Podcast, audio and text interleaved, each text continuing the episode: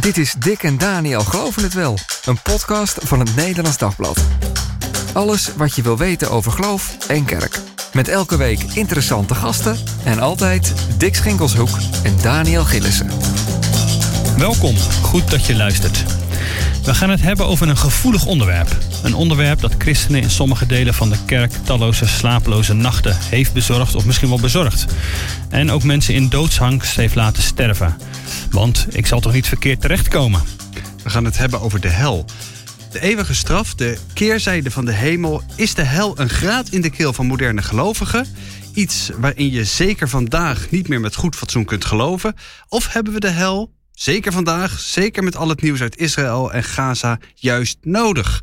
En stelt het christelijk geloof misschien wel zonder hel geen moer meer voor? Nou, daarover gaan we praten met theoloog Arnold Huigen. Welkom. Hij begon onlangs als hoogleraar dogmatiek, de christelijke geloofsleer aan de Protestantse Theologische Universiteit. En die universiteit leidt dominees voor de Protestantse kerk op, onder andere. En hij schreef het essay Waarom de wereld een hel nodig heeft. Welkom Arnold, goed dat je er bent. Dankjewel. Um, ben jij zelf uh, bang geweest als kind misschien voor de, voor de hel? Niet dat ik me kan herinneren eigenlijk. Um, ik, ik hield erg van de Heer Jezus, uh, van jongs af aan. Um, maar ik was op een gegeven moment wel benauwd voor um, een buurmeisje. Ja, uh, die mensen die gingen niet naar de kerk. Ik ben opgegroeid mm -hmm. in Bunschoten Spakenburg. Um, en de meeste mensen gingen wel naar een kerk, maar juist onze buren niet. En die hadden best wel een leuk uh, buurmeisje. En ik sluit niet uit dat ik uh, uh, daar behoorlijk prekerig uh, tegen geweest ben. Ik, ik weet niet hoe de buren dat hebben gevonden. Dat moet ik eigenlijk mijn moeder nog eens vragen. En je ja. weet ook niet hoe dat heeft uitgepakt. Nee, dus als ze luistert naar deze podcast, uh, laat ze contact opnemen. ja, precies. Ja. Ja, ja, ja. Maar je bent, bent wel enigszins uh, bevindelijk gereformeerd opgevoed, toch? Uh, ja, zeker. En was dat daar, want daar zie je het wel breder, dat, dat, dat daar best wel wat ja, angst voor die, voor die hel is. Tenminste, kan ik vanuit mijn ja. opvoeding, bevindelijk gereformeerde opvoeding, wel herinneren. Er zijn een paar dingen natuurlijk. Het heeft te maken met prediking. Hoe wordt er gepreekt? Hmm. Nou, in de verkondiging kwam het echt wel aan de orde. Hè? Dus de, de, de twee wegen, uh, hemel en hel. Ja. En niet dat daar nou uitgebreide beschrijvingen werden gegeven van nee. de hel of zo. Of dat het, maar, maar wel, het was wel ernstig. Niet, uh, niet 100% bangmakerij of zo, zoals nee. je van sommigen dan wel eens hoort. Um, maar dan is het daarnaast ook nog de, de opvoeding um, en de school waar je naartoe gaat. En niet dat dat nou was van ja, dat komt wel goed, helemaal niet. Mm. Uh, dat, dat was ook wel ernstig. Maar toch wel een overtuiging dat God goed is en dat hij het goed met je bedoelt. Um, dus ja, nee, ik, ik heb daar zelf niet uh, hele grote angsten gehad of nee. zo. Niet dat ik me kan herinneren. Een hele gelovige Arnold, dus dat was natuurlijk ook, dat helpt dan wel mee. Ja, nou ja zoals, zoals, zoals, kinderen dat dan hebben. Ja, precies. Ja. Mooi. Ja, ja. zeker. Ja. Maar, Arnold, heb je bij het schrijven van het, van het essay... Hè, waarom de wereld een hel nodig heeft... heb je die mensen uh, op het oog gehad... die uh, misschien toch wel ontzettend bang zijn voor die hel? Ook wel. Um, ik moet zeggen, de, het eerste publiek dat ik voor ogen had met mijn essay... dat is eigenlijk nou ja, de, de, de brede christenheid en uh, de wereld waarin we leven. Omdat ik... Ja, ik zie het gaat over, over hel. Uh, nu ook rondom Israël en uh, Hamas en Gaza. Mm. Um, er wordt het, de term hel heel makkelijk uh, gebruikt. Nou, dat, dat komt uit het christelijk geloof ergens op de een of andere Gaza manier. is een hel, ja, bijvoorbeeld. Ja, dat hoor je heel veel. Ja. En um, in, de, in de kerk zijn de meeste mensen er helemaal mee verlegen. Theologen hebben het er liever niet over. En dan denk ik, ja, dat, dan vind ik dat uh, interessant. Uh, zo is mijn Maria-boek ook ooit begonnen. Van hé, hey, maar we hebben iets uit voorraad leverbaar over een mm. heel speciale vrouw. En uh, dat halen we niet naar voren. Want we hebben het er nooit meer over. En in de wereld hebben ze het erover. Het is een kerkelijk begrip, een kerkelijke term. Ja. En zelf denken we, help de hel. Nou ja, en, dat, en dat is dus waar dogmatiek, zeg maar mijn vak, eigenlijk aan moet springen. Want ja, wat zat er dan in de traditie? Uh, wat er met die term werd bedoeld? Uh, wat kunnen we daar vandaag de dag nog mee? Hebben we iets te melden of niet? Um, ik heb ook wel aan zeg maar meer de, de bevindelijke hoek uh, gedacht. Um, ja, zeker. Ik, ik ga ook voor en zo, dus ik, ik ken de mensen. Um, maar dat is zeker niet het enige in dit verhaal. Ja. Dus wel een pleidooi van we moeten het misschien weer eens wat meer over de hel gaan hebben. Ja, ja. wat bedoelen we er eigenlijk mee? Wat geloven we er eigenlijk over? Ja. Ja. ja, en dat het dus niet goed is om erover te zwijgen. Want het, is, het kan een beetje ongemakkelijk, ja, of het kan ongemakkelijk zijn. Het is ongemakkelijk, denk ik, ja. om over te praten.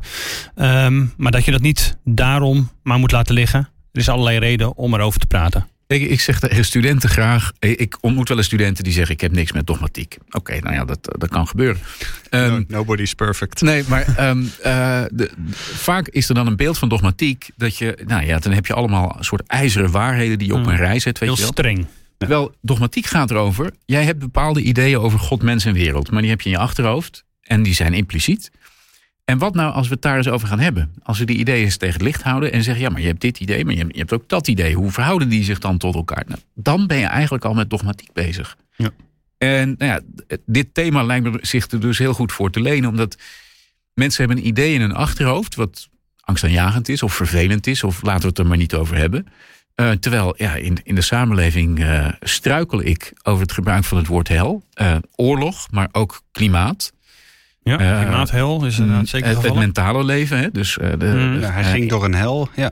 Ja, in de GGZ eh, ho- hoef je mensen niet eh, te, te, te zeggen van... eh, ja, er is een hel. Nee, dat, dan zullen mensen Mhm. zeggen, ja, dat weet ik wel. En dan zit ik eh, middenin. Ja, Ja. ja. Niet Dus we gaan maar- het eh, ja. over de hel hebben. ja, en er Ja. zijn vier... eh, jij, hebt- jij hebt even ingedoken, Dick, toch? Ik ben niet gelukkig niet in de hel gedoken. In het denken over de hel. Ja. Eh, ja, volgens mij Arnold, maar corrigeer me als ik het, als ik het mis heb.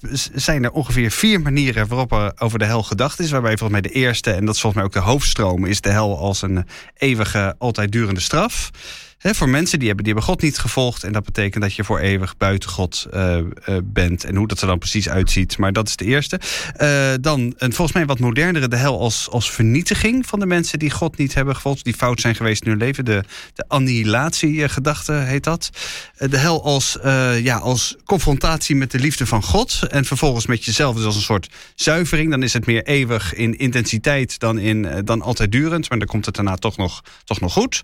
En dan de hel eh, die, eh, die leeg is. Dus meer als, als een beeld voor een, le- een leven zonder liefde en zonder, zonder God. Maar niet als een, als een plek of een staat van zijn. Mis ik er dan nog eentje?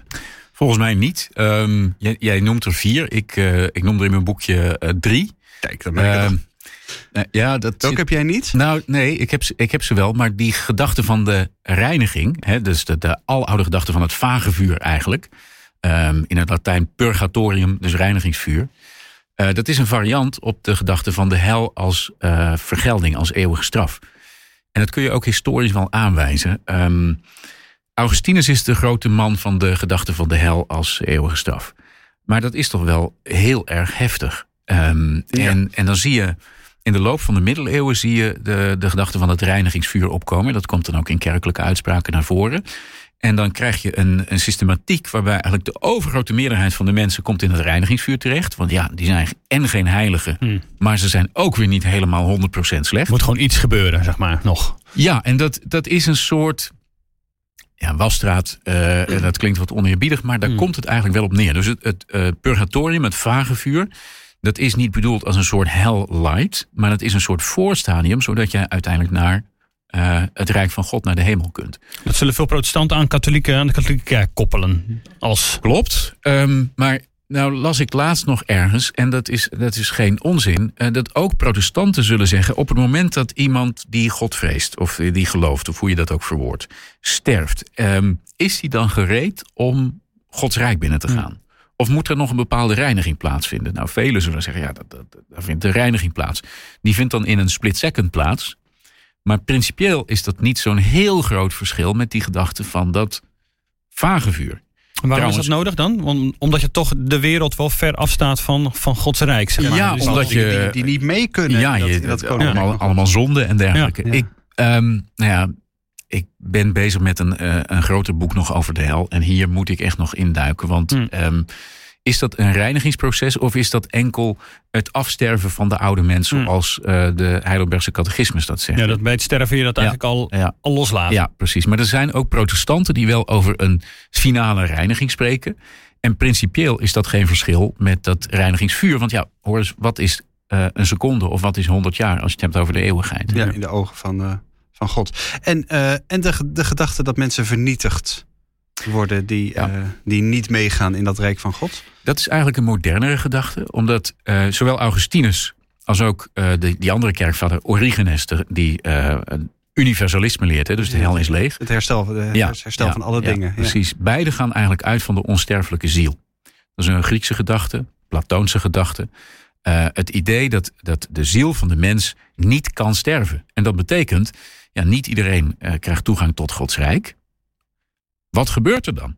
Nou, Dan bij- moet je ergens anders blijven. ja, En, en dan wel voor altijd. En dat is dus ook ehm, Augustinus, die eh, besteedt het grootste deel van zijn discussie over, over de hel aan de vraag hoe het mogelijk is dat lichamen altijd gepijnigd kunnen worden zonder te sterven. En, daar, en, en dan heeft hij. eh, een beetje morbide. is het ook. Hij heeft voorbeelden van eh, een, een salamander. Als je die in het vuur gooit, blijft die toch leven. En, er zijn hele speciale dingen in de natuur. En zo kan het dus ook dat mensen eh, eh, voor altijd blijven bestaan. Dus een heel apart idee. Maar dat is afhankelijk van die eh, onsterfelijke ziel. Bij Origenes is het zo, ja, de ziel is onsterfelijk en die is geestelijk. Dus als die eenmaal gereinigd is van al dat materiële en dat lichamelijke en zo, dan komt het uiteindelijk met iedereen goed en dan begint de boel opnieuw. Nou, dat annihilationisme of die vernietigingsleer, dat leert niet dat de, dat de mens een onsterfelijke ziel heeft. En tussen twee haakjes, die gedachte is dus ook niet bijbels per se van de Nee, het is vooral Grieks. Die is vooral Grieks. Ja. Ehm, en dan, eh, als je dan naar Bijbelteksten kijkt en je laat die, die, die gedachte van de onsterfelijke ziel los, dan gaat het bij hel best wel vaak over vernietiging. Eh, dat de worm niet sterft en het vuur niet wordt uitgeblust. Die worm die eet zich door, eh excuus, het is een beetje morbide, eet zich door lijken heen. Dus dat is een beeld van totale eh, vernietiging. Ja, dus die worm blijft wel leven, maar de mensen zijn dood. Zeg maar. Ja. We zeggen echt dood. Precies. Ja. En ook die, die poel van vuur waar de duivel in wordt geworpen hè, in een openbaring. Dat is een beeld van vernietiging. Dat is niet dat de duivel een soort, soort tot in de eeuwigheid mag blijven bestaan. Als er dan ook mensen in terechtkomen, dan zou dat over vernietiging gaan. Ik denk dat veel mensen intuïtief dat eh, humaner vinden dan, Ja. eh, dan een eindeloze eh, pijniging. De theologische vraag is wel: ehm, ja, kan dat zo aflopen met Gods schepping? Hè? Schept God mensen om ze dan uiteindelijk te, te vernietigen?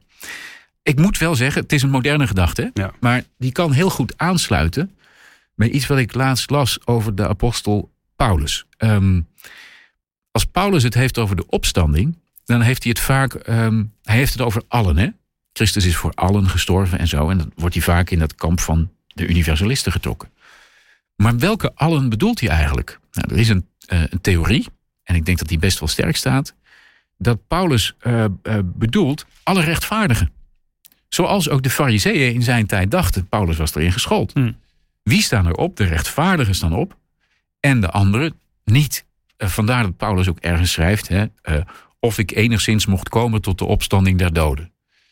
Nou, als ik citeer, is het altijd nog de ou- oude statenvertaling. Mm, mooi. Ehm, ja, ehm, dat is natuurlijk een vreemde gedachte. Of ik mocht komen tot de opstanding der doden. Ja, als toch iedereen opstaat. ja.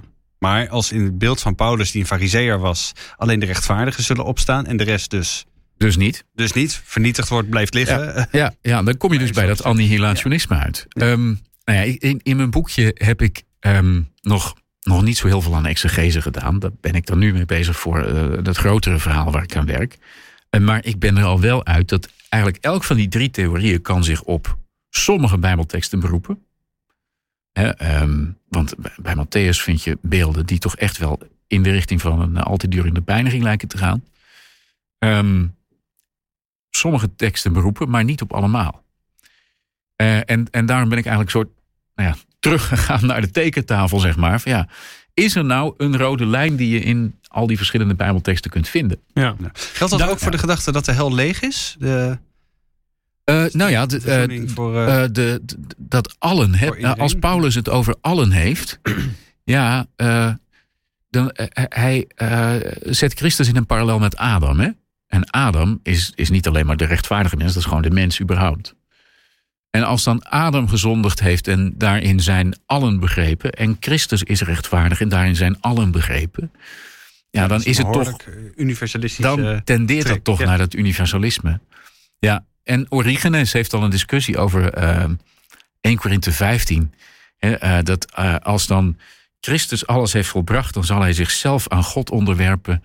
en dan is alles aan hem onderwerpen, onderworpen. En dan zal God zijn alles en in allen. In allen. Dat is wel heel erg. Dat is wel, heel alles. Ja, Ja, ja, ja. ja, Dus er zijn echt teksten die verschillende kanten opwijzen. Maar nu eh, zit je, eh, Daniel, als ik mag. eh, want ik vind vind dit eigenlijk ook heel interessant. Want Ja. eh, eh, Augustinus, dat, nou, daar zitten we rond het jaar 400. Origenes zitten we rond het jaar 300. Laten we er even van uitgaan dat het Nieuwe Testament ergens tussen het jaar 0 en het jaar 100 is geschreven. Dus er zit toch al een gat Ja. eh, tussen. Zeg maar, tussen wat het Nieuwe Testament, meerdere stemmen zeg jij, als Ja. het om de, om de hel gaat. Nou, dan krijg je de, de oplossing van Origenes, volgens mij altijd de minderheid geweest. En eh, Augustinus de grote meerderheid, altijd duur aan de slag. Wat is, er, wat is er daarvoor gebeurd? Ja, er is van alles gebeurd. Er zijn eh, allerlei apocryfe geschriften. Ehm, nou ja, de, de apocalyps van Petrus is er zo één. Ehm, en daarin wordt eh, heel nauwkeurig beschreven hoe zondaren worden gestraft. Nou, En kun, dat je, kun je een paar voor, voorbeelden noemen? Nou ja, je wordt eh, gestraft met het lichaamsdeel ehm, waarmee je gezondigd hebt. Hè, dus was jij iemand die veel roddelde, dan word je aan je tong opgehangen. Hè, en eh, had je losse handjes, dan, eh, dan, dan word je aan je handen. en, en andere lichaamsdelen laat ik maar even aan de fantasie van de luisteraar over, Hmm. Dick. En het Ja. komt allemaal langs. Het komt allemaal langs. En het is apocryf, dat betekent dat het niet opgenomen is in de Bijbel, maar een van de. Wat is het? Wat betekent het wel? Eh, dat is een van de latere of buitenbijbelse geschriften. Ja. En je hebt apocryfe geschriften, die zitten eigenlijk best wel dicht tegen die bijbeltekst aan. Hè. Dus ehm eerste boek Henoch, nou, dat, daar wordt zelfs naar verwezen in, in de brief van Judas en de eerste brief van Petrus, waarschijnlijk. Eh, maar dit zit er echt wel een eindje buiten. Maar je ziet dus al wel heel vroeg die gedachte dat mensen worden eh, gestraft. Er, Ehm, moet, er moet recht gedaan worden. er moet recht gedaan worden. En dat is een ontzettend belangrijk motief als het gaat over de hel. En ook als je tegenwoordig zegt van ja, maar dat is, is, is dat niet een beetje barbaars of inhumaan of zo? Ja, maar er moet wel recht worden gedaan. En eh, mijn, mijn Hmm. vraag aan mensen die zeggen ja, ik wil het helemaal niet over die hel hebben. Hè, en schaf de boel toch af. Is van ja, maar houdt dan de beul een eeuwige voorsprong op zijn slachtoffer? Ehm, moet er niet ergens toch een moment van recht zijn? En eigenlijk heb je het dan ook over het, het eeuwige oordeel. Ja, En daar zullen veel mensen zich wel in kunnen vinden, ergens in elk geval, voor een ander dan vaak. Ja. Maar dat ze denken van hé, er, er zijn mensen in de geschiedenis geweest die hebben wel zulke dingen gedaan. Die zijn vervolgens in vrede heen gegaan. We hadden een mooie, rustig, rustig. Ja, sterfbed. precies. Ja. Dat kan toch niet dat het daarbij blijft. Denk Ja, maar dit- in maar- dat soort maar- gevallen. En dit vind ik dus heel interessant. Hè? Ehm, ehm, het gaat dan vaak over de ander. Hè? Hmm. Sartre heeft natuurlijk gezegd: de hel, dat zijn de anderen. Ehm, dus die ander die is veel erger dan ik. Eigenlijk de structuur die je dan ziet, is de structuur van zelfrechtvaardiging. En zolang we nog onszelf rechtvaardigen, van ik ben wel oké, of in ieder geval meer oké dan, eh, nou ja, noem ze maar op. Zolang je jezelf rechtvaardigt, rechtvaardig je God nog niet, even heel protestants gezegd. En word je dus door God niet gerechtvaardigd, dan sta je dus buiten. Dus het zonder besef is dan wel weer relevant om het maar even Dat is wel te zeggen. eventjes, eventjes relevant. Hè? Dus, en, en juist die structuur van, oké, die anderen die hebben het verkeerd gedaan. Dat heeft er dus ook voor gezorgd dat mensen zo'n ontzettende hekel hebben. En terecht in dit geval, aan de hel. Omdat het dus een manier is waarop de een zich boven de ander verheft. Hmm. En de ander rukzichtsloos naar het allerergste verwijst. Ja, pas jij maar op. Want eh, als Ja. jij zo doet, als Ja. je dat gelooft, als je dat zegt, dan kom jij eh, op een plek waar je liever niet wil zijn. Ja, en, en wat ik heb, eh, heb geleerd. En som- soms is dat heel onbevredigend, om, omdat je dan een heel aantal details niet weet. Maar wat ik heb geleerd, is dat ik eigenlijk alleen over de hel kan spreken in het licht van Jezus Christus.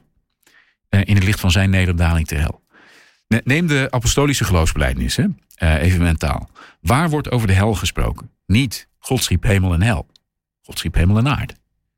Ook niet eh, dat is het begin. Ook niet aan het eind. Eh, ehm, ik geloof het eeuwige leven en de eeuwige dood. Nee, Hmm. ik geloof het eeuwige leven.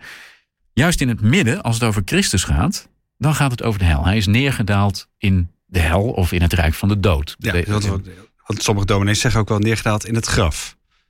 Dat vind je niet diep genoeg. Nee, het, eh, het graf is niet diep genoeg. Nee, het is echt. eh, de, de reden waarom het in de apostolische geloofsbelijdenis is terechtgekomen. Dat komt uit Syrië waarschijnlijk. Sirmium is de, de eerste eh, kerkvergadering die het heeft.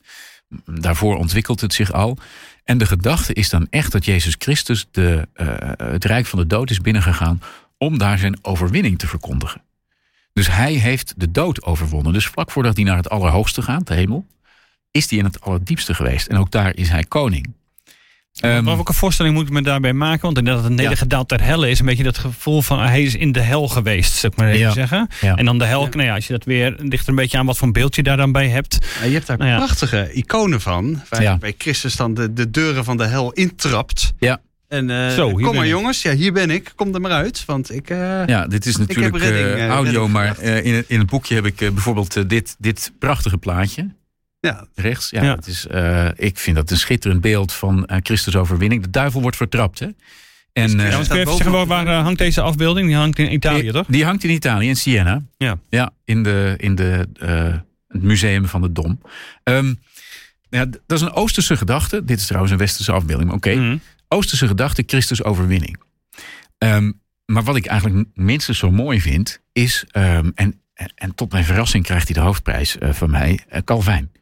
Calvijn zegt namelijk, die nederdaling ter hel, die vindt plaats. Nou ja, jullie kennen de catechismus ook, er is het in terechtgekomen. Nederdaling ter hel vindt plaats tijdens de drie uur duisternis aan het kruis. Hmm. Als Christus door God verlaten is. Dan komt als het ware de hel bij hem. En dat is een- eigenlijk een heel moderne gedachte. Want de hel is dus iets, niet, niet iets van het hiernamaals. Maar dat is de existentiële nood omdat God je verlaat. Dat je helemaal alleen bent. Dat het dat helemaal je helemaal is. alleen bent. Ja. En als ik moet zeggen wat hel is, dan wil ik dat dus van die weg van Jezus Christus leren. En dan zeg ik dus dat hel is die plek waar je compleet bent uitgesloten. Nou, en ehm, ik ben systematisch theoloog, dus ik vind het mooi als dingen eh, bij elkaar gebracht kunnen worden. Als ik nou al die verschillende Bijbelteksten neem, hè, die volgens mij die verschillende theorieën, die drie of vier theorieën niet kunnen oplossen. Ze draaien allemaal om uitsluiting. Hel draait altijd om uitsluiting. En wat gebeurt er nou aan, aan dat, dat kruis? Daar ervaart Jezus Christus wat het nou is om van, van God los te zijn. Uiteindelijk breekt het lijntje niet. Hè. God wekt, de Vader wekt hem ook weer op. Maar wat is nu hel? Dat is dat je helemaal van God los bent. En, en zolang we in dit leven zijn, er zijn verschrikkelijke dingen. Ehm, maar in dit leven is nog niemand 100% van God los. Hmm. En ik, eh, ja, Hoe, hoe, hoe komt dat? Dat je niet 100% van God... Je kunt eigenlijk niet 100% van God los zijn omdat je nog leeft? Omdat je nog leeft, Ja. ja. En dus zelfs... Dus plaatsen die, die hel worden genoemd... en die ik dan... Mhm. Ik hoop dat mensen dat niet een spelletje vinden... en da- daar, daar wil ik ook nog verder op eh, studeren... maar die ik dan hels noem. Hè, dus Auschwitz. Mhm. Ook daar zijn nog getuigenissen van dat het licht er ergens doorbrak. Dat mensen naar Door elkaar mensen omzagen. heen, ja precies. Ja, Ja. En dat, hè, ehm, wie was dat die, zei, die, die, die de vraag kreeg: waar was God in Dachau? Eh, en die, Hmm. die man die had in Dachau gezeten. Overtuin? Ja. Nou ja, Ja. ehm, maar hij zei: God was in Dachau. Geef me de dominee Dominee. over. Ja, ja. Nou ja, en nou, hij mag dat zeggen. Ik, ik zeg maar, ik moet dat niet tegen iemand anders zeggen. Maar dat biedt mij, eh, zeg maar, die nederdaling ter hel van Christus, die biedt mij dus een sleutel om het erover te hebben. Een verbinding te leggen met, nou ja, wat, wat we tegenwoordig hel noemen. Dus waar mensen elkaar echt uitsluiten, daar, daar verwijs je eigenlijk de ander naar de hel. En dus eh, Hmm. ehm, op het moment dat wij de ander ontmenselijken, of zeggen dat het is een tsunami, of we zetten die, die ander achter een hek, enkel vanwege zijn nationaliteit Ja. of we ontvoeren die ander, ja? dan verwijzen we die ander naar de hel. En gelukkig komt het laatste oordeel ons niet toe. Hè, dus dat eh, God doet daar het zijne Nee, mee. wij zijn Hmm. nogal willekeurig in mensen Wij zijn ontzettend willekeurig. naar de hel eh maar verwijzen. het belangrijke vind ik dus... Ik, ik snap heel goed, denk ik... waarom mensen een allergie hebben tegen het begrip hel. Vanwege die morele superioriteit. Vanwege de bangmakerij. En daar moeten we dus ook vanaf. En ik hoop dus eh, dat vooral de lezers... Eh, tuurlijk de lezers van het ND... maar ook de lezers van het Dagblad Trouw... eh, dit boekje gaan lezen. Want naar aanleiding van mijn oratie... barstte daar... Ja, zal ik het toch maar zeggen... de hel los... Eh, omdat mensen zeiden, Hmm. ja, dit is allemaal bangmakerij. Houd er toch over op. Ehm, En dat was eigenlijk een soort reflex puur vanwege eh, ja, die term alleen. Ja, precies. Want mensen die nemen die term mee van vroeger. Ja. Die zijn daar vroeger mee bang gemaakt. De hel, Ja. daar kwam ik nooit terecht in, maar altijd jij. Dat is ja, altijd de ander. ja, ja en dat is, eh, dat is ook heel slecht. En eh, nou ja, ehm, volgens mij bied ik echt een alternatief voor de, die manier van spreken over de hel, die volgens mij echt heel fout is, omdat dat dus ja, een soort morele superioriteit veronderstelt van degene die een ander naar de hel verwijst. Ja, maar nog even over dat hele, hele klassieke, toch, voordat we hier nog Ja. even op doorgaan. Eh, Dat klassieke beeld, wat misschien ook bij die trouwlezer of bij de luisteraar van deze podcast of bij mijzelf kan zijn van, oké, eh, eh, vuur, eh, inderdaad, eeuwige straf. Hè, dat, Vuur, dat rook en deel. zwavel. Ja. Ja. Ehm, kunnen we dat echt terzijde schuiven? Of geef daar eens advies Ehm, in? Kan ik dat laten nou, liggen als luisteraar? Eh, ja en nee. Dat is natuurlijk vervelend dat ik dat zeg. Kijk, over de hel mo- moeten we altijd in beelden spreken. ja. Eh, omdat het ligt voorbij ons voorstellingsvermogen. En dan, dan, hebben we, dan wordt ons voorstellingsvermogen juist geactiveerd. Hetzelfde geldt eh, als het gaat over de thematiek van de hemel. Tussen twee haakjes, hemel en hel als woordpaar komt nooit, nooit samen hè, in de Bijbel. Daarbuiten nog best wel eens. onders- eh, onderstreep mijn punt, denk ik. heel goed. Maar dit, ehm, er zijn allerlei beeldvormingen geweest. En nou ja, eh, Dante is daar natuurlijk eh, heel belangrijk in geweest. Ja. Jeroen Bos. Eh, Jeroen Bos. Ontzettend beeldende Ja, schilderijen. ja, ja, dus ik, ik ben ook, nou ja, die, die eh, plaatjes die zitten er ook allemaal bij. Eh, en dat, dat moet ook. Ik was blij dat de uitgever meebewoog en dat er kleurkatern in mocht. Maar dat zijn dus heel indrukwekkende beelden. En wat ik niet weet, ehm, en wat me ook heel lastig te onderzoeken wij- lijkt, maar wat ik graag zou doen, is die mensen die dit soort afbeeldingen zagen. En ook Scandinavische kerken, hè, waar dus eh, vaak muurschilderingen waren van hemel en hel. Hmm. Heel indrukwekkend. Geloofde die nu dat het ongeveer 50-50 was? Of zaten die met het eh, idee van het vage vuur? Van nou ja, dit, dit is echt voor de aller, allerergste. Ja, dat zou ik wel eens willen onderzoeken. Hoe, hoe de gemiddelde middeleeuwen daar nou tegenaan keek. Maar ook in die verbeeldingen kom je dus al tegen dit- dat mechanisme van, ja, van ressentiment, van wraak. Ehm, jullie kennen vast, eh, nou ja, eh, iedereen kent de Sixtijnse kapel. Mhm. Hè, en dat laatste oordeel dat daar plaatsvindt. En helemaal rechts onderin heb je een plaatje van, eh, van Minos, de rechter van de onderwereld. Moet je heel goed kijken, wil je dat zien, toch? Ja, dat- Nou, maar het, het zit helemaal onderin. Hè? Dus het is dus- aardig dicht, dichtbij waar je staat. Oké. Maar wat, niet helemaal last van je wat, is nou Nee, de, wat is nou de grap daarvan? Michelangelo heeft daar eh, het hoofd eh, eh, gebruikt van een Vaticaanse official. Die eerder kritiek had op het werk van Michelangelo. Want ja, hij beelde zoveel naakten af. En die official die had gezegd... ja, dit past eigenlijk beter in een herberg, in een kroeg... Hm. dan in een kerk. Oké. Dus Michelangelo die heeft hem afgebeeld... als Minos, als de rechter van de onderwereld. En over eh, naaktheid heeft hij niet te klagen. Want er is een grote slang die in zijn deel bijt. Ja, dus daar, zie je datzelfde ressentiment. In dit geval van de kant van Michelangelo. Grappig. Ja, behalve als je die figuur zelf bent natuurlijk. Ja, want dan beet hij in jou. Maar Ja. eh, eh, eh, Jezus gebruikt zelf ook eh, dat beeld van. Ja. Jezus gebruikt het beeld van de, ge, de Gehenna. Ja, Dus de, zeker. de vuilstort buiten, buiten Jeruzalem, waar ook ooit de, de moloch werd vereerd met zijn kinderoffers. En zo, dat is al een hele, heel vurig beeld. Ja, En als Jezus een beeld gebruikt, dan ben ik toch geneigd om te denken, nou, dat moeten we dan misschien iets serieuzer nemen dan als andere mensen. Ja, eh, zeker. Dus, gebruiken. dus ook in het Nieuwe Testament tref je beelden aan. Alleen die beelden krijg je niet op één lijn. Dus het is eh, de buitenste duisternis, zegt Jezus ook. En het is vuur. ja, die krijg je al niet samen. Ik, eh, ik heb daar mentaal geen plaatje bij. Het zijn waarschuwende beelden. En die Gehenna was een bekend beeld. Wat eigenlijk tussen de beide testamenten opkomt als, een, als het toonbeeld van het, het verschrikkelijkste. Hm.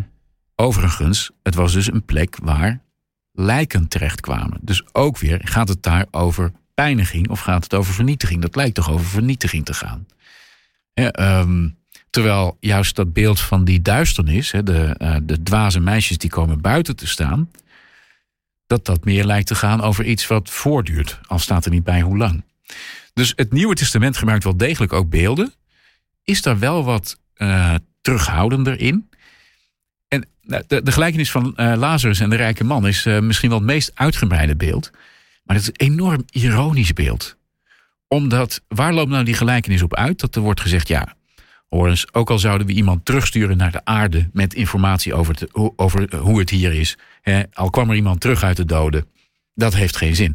Met andere woorden, al die informatie die daarvoor is gegeven over hoe dat zal zijn, Dat heeft ook geen zin. Hou je aan de wet en aan de profeten. Ja, precies. Even voor dat beeld. De Lazarus in de hemel, de, de rijke man in de hel, zou ik maar even zeggen. Ja, En eh, Ja. die zien elkaar, of hij, de, Ja, de rijke man ziet, de, Ja. ziet Lazarus en denkt van, kan er iets gedaan worden aan mijn lijden en waarschuw anders mijn familie. waarschuw anders mijn familie. En dat, Ja. ze hebben Mozes en de profeten. Als je daar niet zit. naar luistert, dan heeft eh, al die extra informatie geen En enkele dat is zin. de kern. Nou ja, er zit zelfs nog een laag in. Ehm, als ze naar Mozes en de profeten niet luisteren, zouden ze ook niet luisteren als er iemand uit de dood terugkwam. Hm. Maar aan het eind van Lucas kwam er iemand, iemand- uit de dood terug. Dus die laag zit er ook nog in, die gelijkenis. Ja. Ja. Je had het al eerder over je ro- rode lijn. En je hebt er al wat, heel wat eh, eh, van die rode lijn laten, laten zien natuurlijk. Maar kun je nog even in kernachtig waar zit zeg maar, nu de, eh, ja, wat jij vindt wat we, waar we nu in deze tijd inderdaad mee verder kunnen als het om die hel gaat? Allerbelangrijkste is, het kwaad komt een keer ten einde. Ehm, wat gebeurt er met het kwaad? Nou ja, de, de hel is, eh, zeker in het Bijbelboek Openbaring, is dat de plek waar de duivel terechtkomt, waar het beest terechtkomt, waar het kwaad terechtkomt en waar de mensen terechtkomen die eh, eh, het kwaad willen. De, en de focus is dan niet eens zozeer op die mensen en wat er met die mensen gebeurt. De lezers van Openbaring die hebben te maken met druk, dreiging, eh, vervolging van de kant van het Romeinse Rijk. En de boodschap van troost is: al dat kwaad wordt een keer weggedaan en dan komt de stad van God, die komt uit de hemel en dan mag je wonen. Dat is de troost. En ik denk dat het heel belangrijk is dat het kwaad eenmaal wordt weggedaan. Ehm, en dat we ons dan ook afvragen: en wat voor kwaad is er in mij dat nog eens moet worden weggedaan? Kijk, ehm, ik noemde net even kort de rechtvaardigingsleer. Mhm. Het centrale protestantse eh, geloofsartikel. De rechtvaardiging is eigenlijk God maakt de zonde van de zondaar los. Wat geen mens kan, want ja, mijn zonde dat is helemaal verle, verle, v- nou ja, begint er al van te stotteren. Verweven Ja. met wie Ja. ik ben. Ja. En alleen God kan, kan daar door zijn oordeel onderscheid in maken. En dan ben Dus ik kan daarna het- ook geen zondaar meer. Kan het graan van het, van het onkruid Ja, scheiden. Precies, maar, Ja. maar ook binnen de mens zelf. En dan dus ook in de hele wereld. Zodat al het kwaad wordt weggedaan. En dat vind ik een heerlijke gedachte. Nou, neem nou Israël en de Palestijnen. Dat is toch zo onontwarbaar. Ehm, je, je ziet dat ook. Nou, veel mensen kiezen dan partij voor de een of voor de ander. En ik vind dat hoe langer, hoe ingewikkelder. Omdat er zitten zoveel kanten aan dat conflict. Mhm. En eh, het verschilt van persoon tot persoon zo. Ik krijg dat niet zomaar even ontward. En ik ben heel dankbaar dat er één is van wie ik geloof dat hij eenmaal de boel recht gaat zetten. En ik ben heel benieuwd hoe dat dan zal zijn. Ja, maar er zijn ook mensen die zeggen, nou, maar nu snap ik tenminste, eh, de titel van jouw essay is waarom de wereld een hel nodig heeft. Nou ja, voor die, voor die Hamas-strijders die, die, die kinderen hebben, eh, hebben vermoord en, en, en, en gezin hebben gemarteld. En Ja. nou, daar heb je je antwoord. Nou ja, daarom heeft de wereld een hel nodig. Eh, zonder dat ik er nou over ga wie eh, er nou eh, de, de, zwaarste misdaad heeft gedaan en daar terecht moet komen. Dus daar zit een terughoudendheid in. Zelfs voor die Hamas-strijders. Ja, ik heb me ook enorm, enorm zitten opwinden natuurlijk. Hè, en een, een enorme verontwaardiging. Dat is ongekend. Hoe, hoe ver kun je gaan in, in het onteren van mensen. Maar ehm, uiteindelijk, ja, het laatste oordeel is voor God. Dus als die mensen worden eh, berecht, ja, dan moeten ze wat mij betreft de zwaarste straf krijgen die er volgens het recht mogelijk is.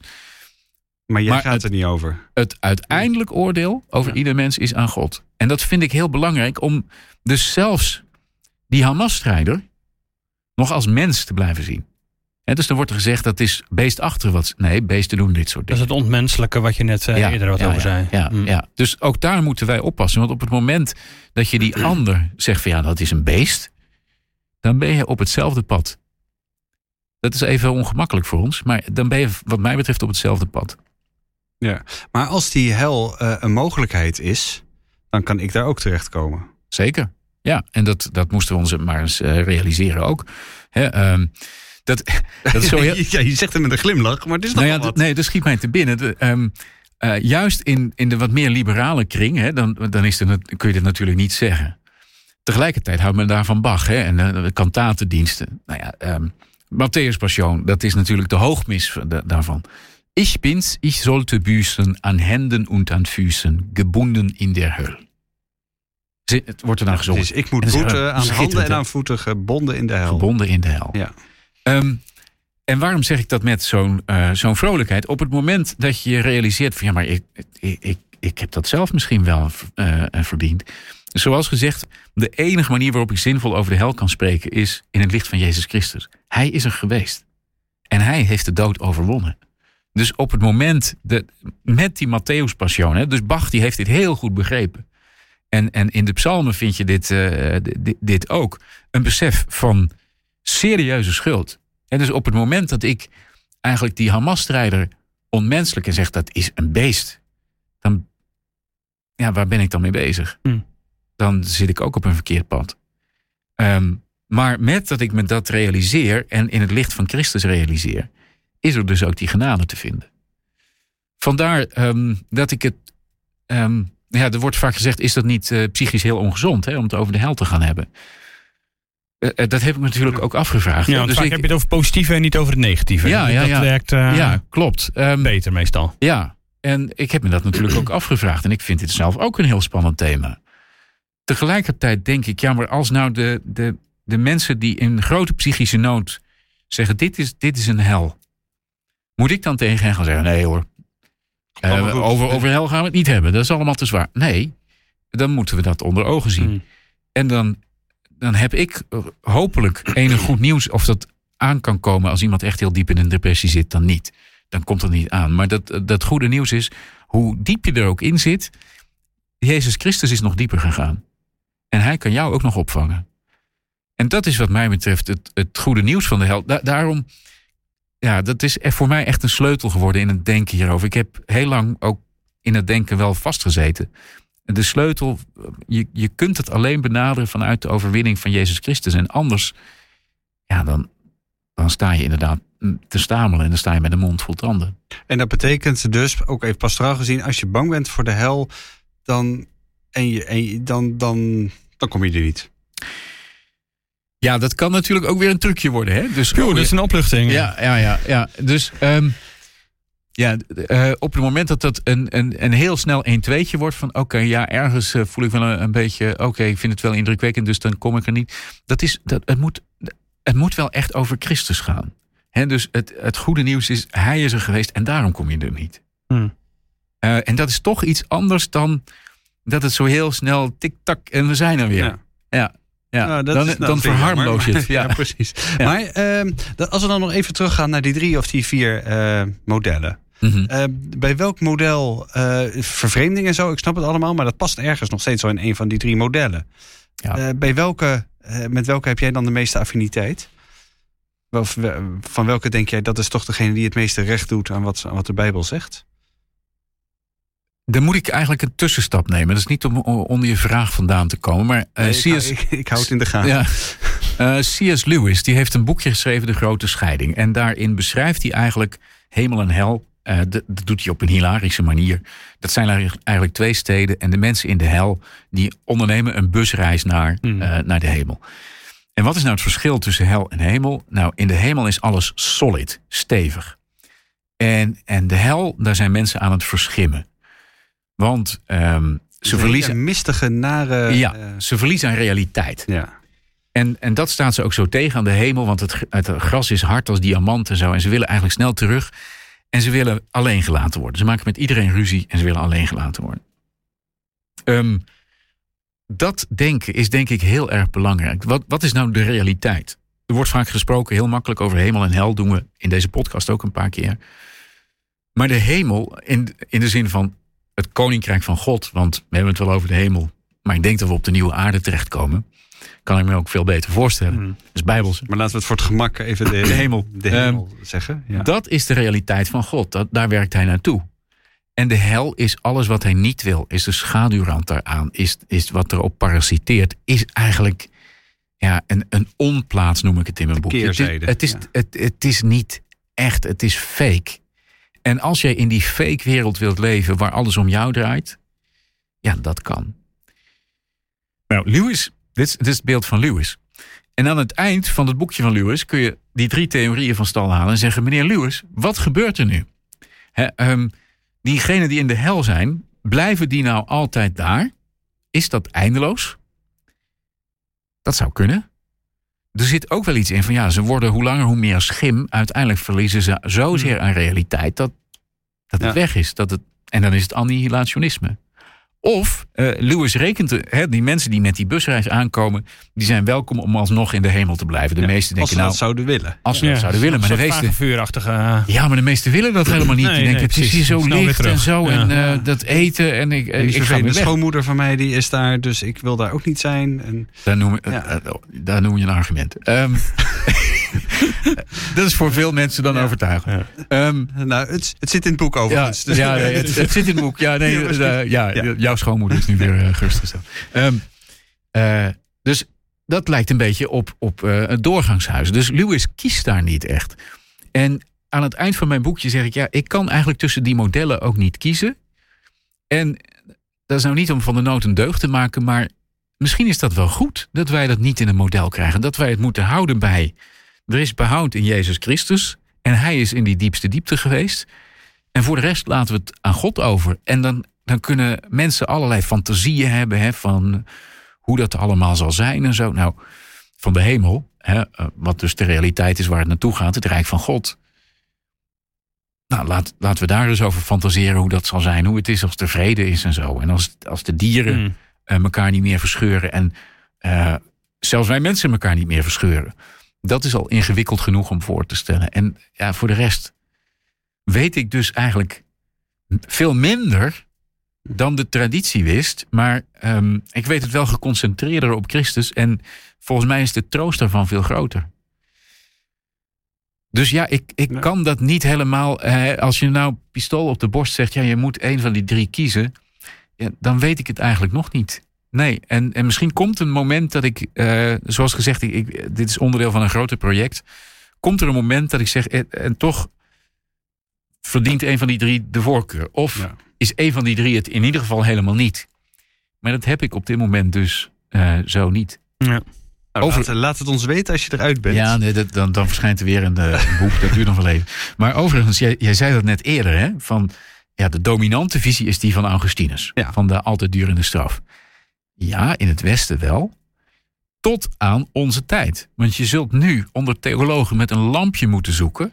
naar iemand die niet op zijn minst naar het universalisme tendeert. Dat hebben we eh, als krant eh, eh, na jouw reden hebben we dat ook ge- Ja. gedaan. We hebben Ja. een heel aantal dominees gebeld. En inderdaad, nou, we konden er nog eentje vinden.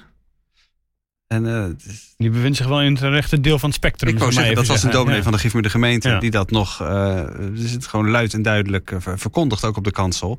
Maar verder, eh Ja, en, en, echt en heel daarvan, complex. Ja, en daarvan denk ik dus ehm, eh, dat, dat universalisme, hè, ehm, ja, neemt dat nou voldoende de mensen serieus? Want het, Ja, van, je komt er mm. altijd, wat je ook doet, je krijgt ja, altijd een wat, dikke wat je ook doet, het komt altijd goed. Is dat nou, ehm, is dat nou 100% verantwoord in het licht van de schrift? Hè? Karl Barth die, die, eh, die is het vaak verweten hè, dat hij universalist zou zijn, maar die schrok daar toch nog voor terug.